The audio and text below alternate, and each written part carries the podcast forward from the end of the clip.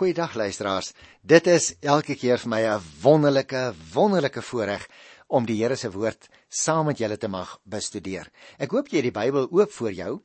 Uh ons is vandag by Lukas volgens die beskrywing uh van hierdie geneesheer want hy was mos eintlik 'n dokter. En miskien sal jy onthou dat uh ek die doop van die Here Jesus uitgelaat het toe ons die evangelie volgens Matteus behandel het, maar ek het wel so 'n paar uh opmerkingetjies gemaak by Markus.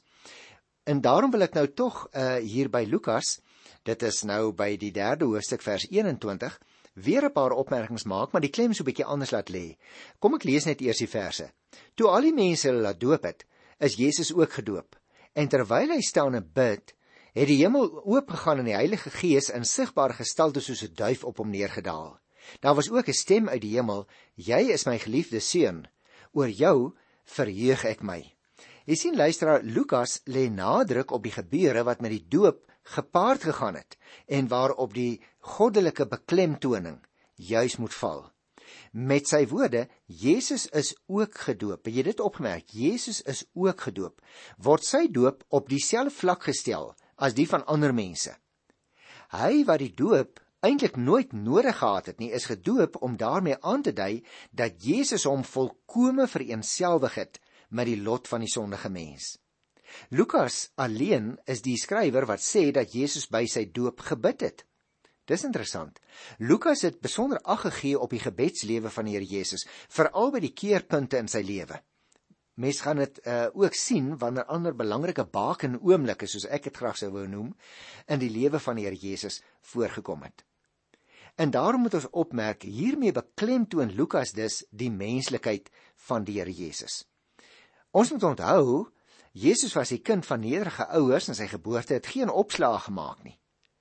Dit is dus net die skaapwagters gewees, onthou jy in vreemdelinge uh wat nog die boodskap gehoor het. Met sy doop is sy bediening vir die eerste keer nou in die openbaar aangekondig.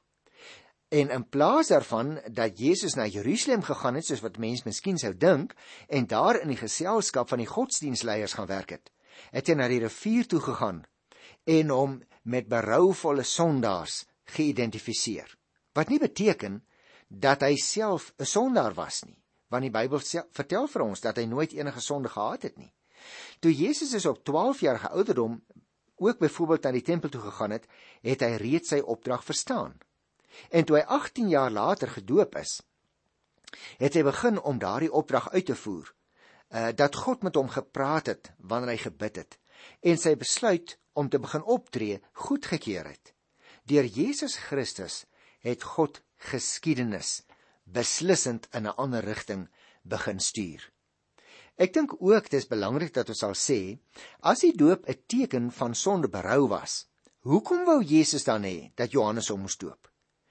Jesus het hom volkome vereenselwig met jou en my menslikheid. Hy het hom vereenselwig met ons as sondaars en hy het voortdurend heen gewys na sy dood en sy opstanding waardeur ons natuurlik verlos is.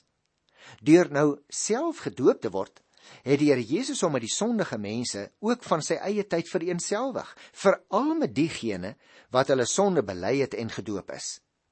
Jesus se doop kondig dus aan dat hy as seun van God geïdentifiseer en met die Heilige Gees vir sy bediening toegerus word. Ek wil ook net hierdie belangrike opmerking maak voordat ek verder gaan van hierdie versies af luisteraars, want jy sien al die persone van die drie eenheid word hier genoem. Die Vader en die Seun en die Heilige Gees. Hoekom? Onthou, God is een, maar hy is te gelyk ook drie persone wat van ewigheid tot ewigheid lewe en volkome gelyk is aan mekaar. Jy en ek kan dit nie regtig verstaan of verklaar nie, luisteraars.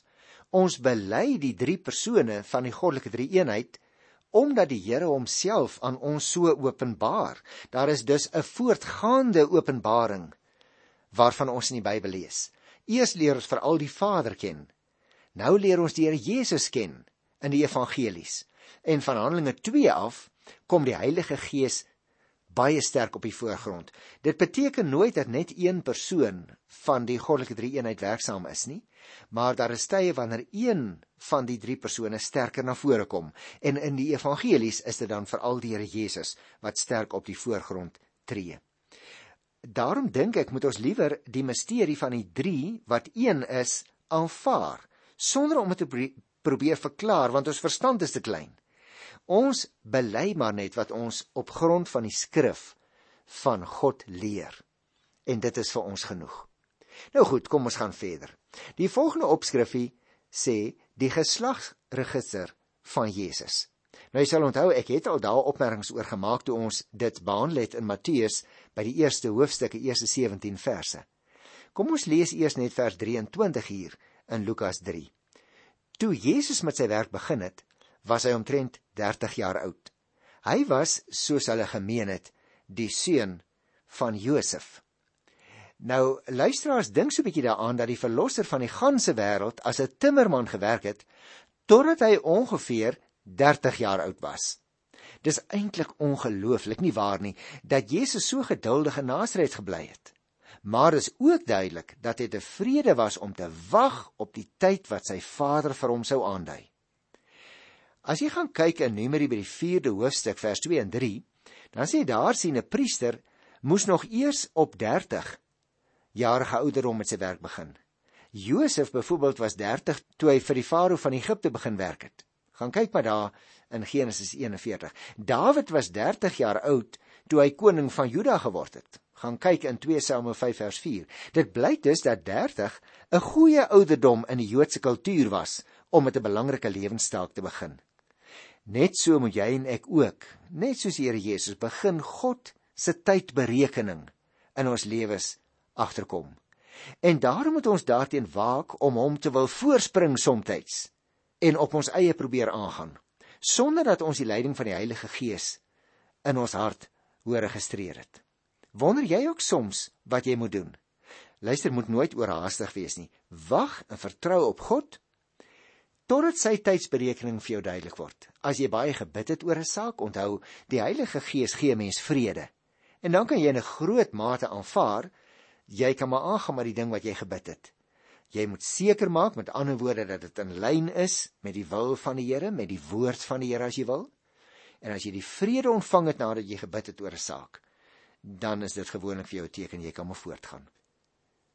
Ek wil net weer beklemtoon luisteraars dat Jesus se voorgeslag, so lees ons ook in hierdie vers, word deur Josef en nie deur Maria nie aangedui. Lukas gebruik die uitdrukking soos hulle gemeen het om aan te sluit by die geboorteverhale, maar verder volg hy die Joodse juridiese denke om Jesus se stamboom te beskryf. Nou as 'n mens van vers 24 af in die Bybel lees, dan sê hy nou net daar 'n klomp name en name lees en 'n mens wonder soms hoe dit in mekaar steek. Nou ek gaan nie al daardie name behandel nie, luisteraars. Kom ek maak 'n paar breë opmerkings oor hierdie klomp name wat ons hier kry. Ek nou reeds daarop gewys dat Lukas pertinent uitwys dat Jesus omtrent 30 jaar oud was toe hy sy werk begin het. Met die ouderdom 30 lyk dit vir my wel Lukas aansluit by die ouderdom waarop die meeste mense in daardie tyd begin werk het. En nou het ons hier te maak met die stamboom van Josef en nie met die van Maria nie. Lukas sê wel dat Jesus soos hulle gemeen het die seun van Josef was. Hy was dus nie fisiek die seun van Josef nie. Hoewel die mense so gedink het. Aangesien Josef egter met Maria getroud was, is Maria en Jesus volgens wet lede van sy Josef se stam. Ons het dit ook in Matteus 1 teëgekom en Lukas se geslagslyste toon baie ooreenkomste maar ook verskille. Die name tussen Abraham en Dawid kom byvoorbeeld ongeveer ooreen. Verder wyk dit van mekaar af. Die stamboom van Adam tot op Abraham is gebaseer op die geslagslyse van Genesis 5 en ander gedeeltes uit die Ou Testament. Lukas skryf nou vir Christene uit die heidendom en hy voer sy geslagsregister terug tot by Adam. Nie tot by Abraham nie, want Abraham was vir die Jode belangrik. Maar ander mense het nie veel aandag aan Abraham gegee nie want hulle het hom beskou as 'n Joodse voorvader. Daarom voer Lukas sy geslagsregister nog verder terug tot by Adam en daarmee beklemtoon hy die universele betekenis van die Here Jesus. As hy Adam die seun van God noem, dan bedoel hy dat God vir Adam geskep het. Jy sien, getalle simboliek speel 'n baie belangrike rol, veral in daardie mense se tyd. By Lukas is daar byvoorbeeld 11 sewe talle. En die getal 7 is saamgestel uit 3 plus 4. 3 is die getal vir die goddelike drie-eenheid en 4 is die getal van die vier windstreke van die aarde. 7 dui dus daarop die besondere bemoeiing van God met die mensheid. Volgens die bekende apokaliptiese voorstelling word die totale wêreldgeskiedenis as 12 weke voorgestel. 11 sewetalle dui dus aan dat Jesus die 12de en die laaste sewetal met sy werk inlui. Maar ek dink dit is genoeg opmerkings uh so in Hebreë algemeen van hierdie geslagslys van Lukas wat ons dan bring by die volgende afdeling en daarmee begin ons natuurlik nou by Lukas die 4de hoofstuk. En ek wil net eers so 'n paar algemene opmerkingies maak want hierdie gedeelte handel oor die uh versoeking van die Here Jesus. En ek het daar iets oor gesê toe ons Matteus 4 gedoen het, daarom gaan ek dit nie in al die detail wat ek daar gesê het herhaal nie, ek wil 'n paar nuwe goedjies byvoeg. Uh jy sien Adam is versoek. En so ook die volk Israel uh na hulle doop deur die Rietsee. Paulus verwys ook daarna in 1 Korintiërs 10 by die tweede vers. Maar hulle het aan die versoekings toegegee. Jesus nou teenoor daardie gebeure word ook versoek. Maar hy gee nie toe nie. Hy oorwin die een wat hom versoek. Daar is dus 'n groot verskil tussen Matteus en Lukas ook in die volgorde van die versoekings. Omdat Lukas ehm um, die klem op ander fasette lê en jy kan gerus die twee gaan vergelyk dan sien jy hoe dat die volgorde verskil, maar inhoudelik maak dit nou nie regtig enige verskil aan wat hier uh, geskrywe word. Maar byvoorbeeld, uh omdat Lukas Jerusalem en die tempel in sy evangelie wil beklemtoon, plaas hy die tempelgebeure laaste. Nou goed. Uh hierdie 13 verse om God se woord te leer ken en daarom gehoorsaam te wees, dink ek luisteraars is 'n baie effektiewe wapen teen versoeking vir ons ook. Want Jesus het die Satan se aanslag met die hulp van die skrif afgeweer. Jy onthou, hy het elke keer sê daar staan geskrywe en moenie vergeet nie jy en ek kan dit ook doen. Maar om dit te kan doen, moet ons nie net glo dat die woord van die Here waar is nie, maar ons moet ook die woord van die Here ken. En dit is waarom hierdie program die Bybel vir vandag so belangrik is om ons te help toerus sodat ons kennis van die Here se woord kan hê ook vir ons alledaagse lewe. Nou kom ek kyk nou in in so klein bietjie groter detail en ek gaan hier begin met die eerste 2 verse in Lukas 4. Jesus het vol van die Heilige Gees van die Jordaan af teruggekom en deur die Gees is hy na die woestyn toe gelei waar hy 40 dae lank deur die duiwel versoek is. Die hele tyd het hy niks geëet nie sodat hy aan die einde daarvan honger was. Jy sien luisteraar, ons dink soms dat die Heilige Gees ons net sal lei na rustigheid, maar dis nie waar nie. Hy het die Here Jesus in die woestyn toe gelei waar hy 40 dae lank beproef en versoek is. Net so kan die Heilige Gees ons ook na moeilike situasies en omstandighede toe lei.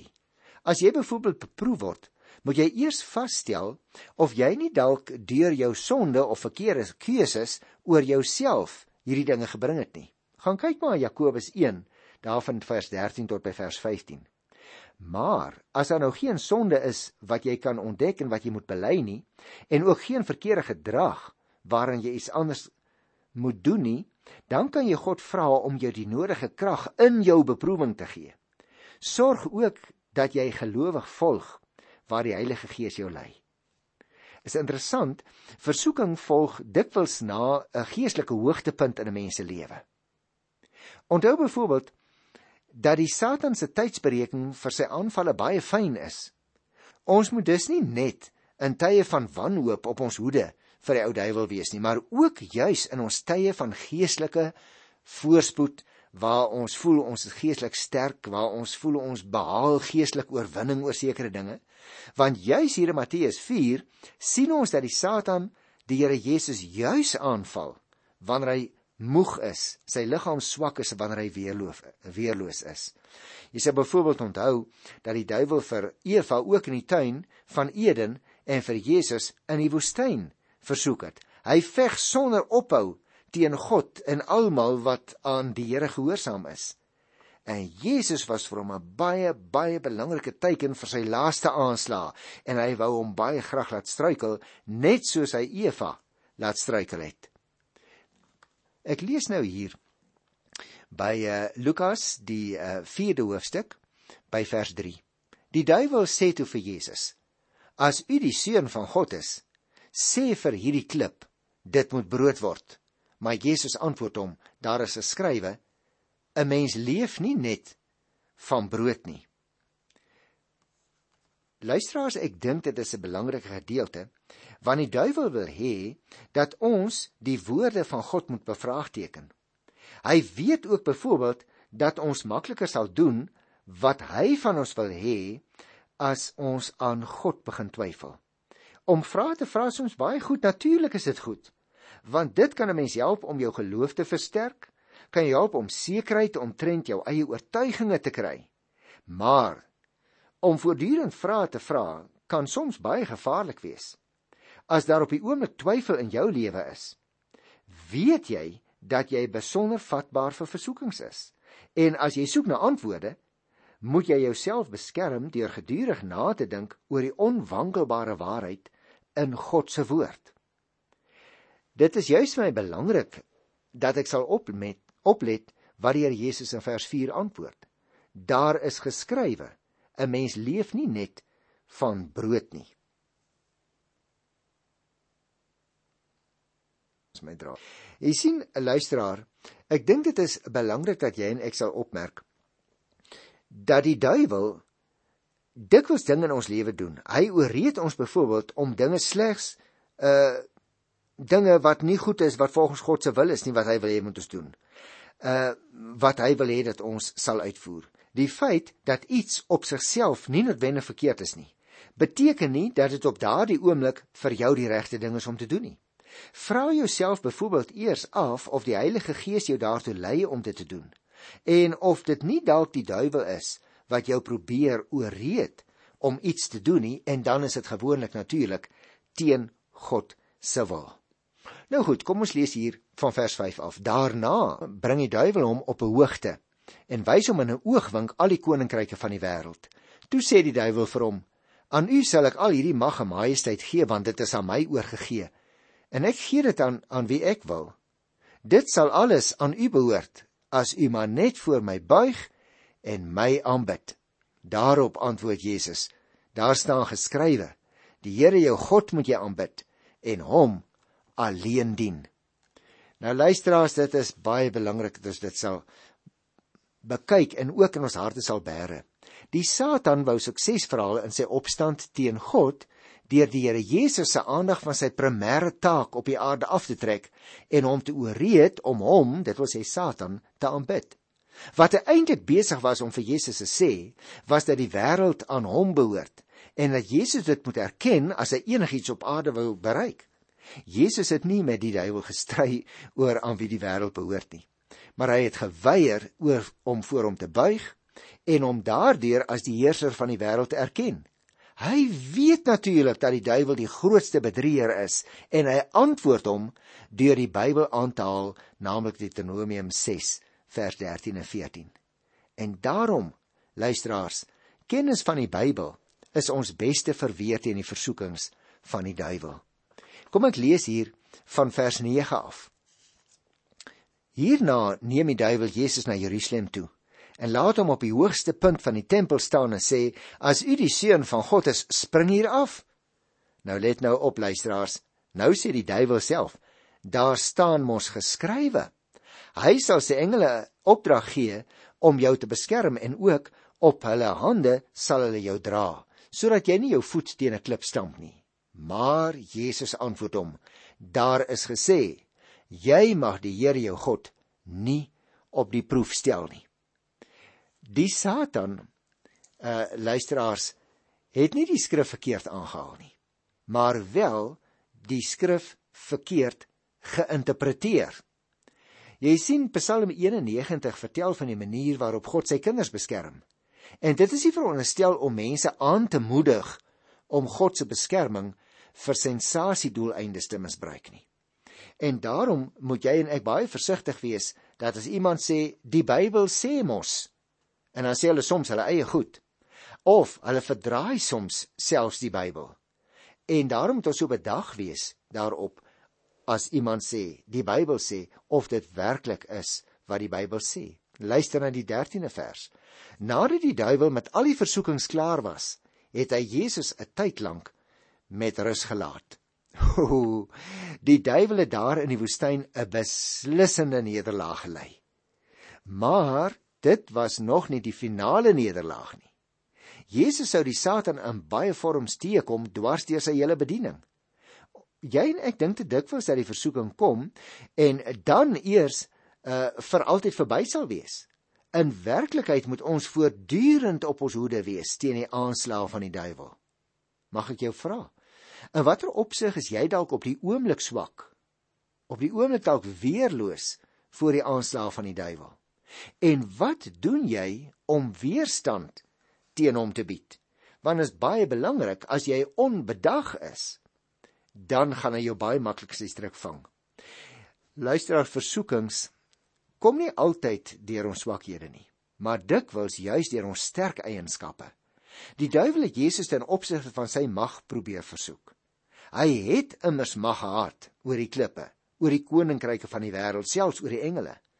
Die Satan wou nou hê dat hy sy mag oor hulle moes gebruik sonder inagneming van sy taak op aarde.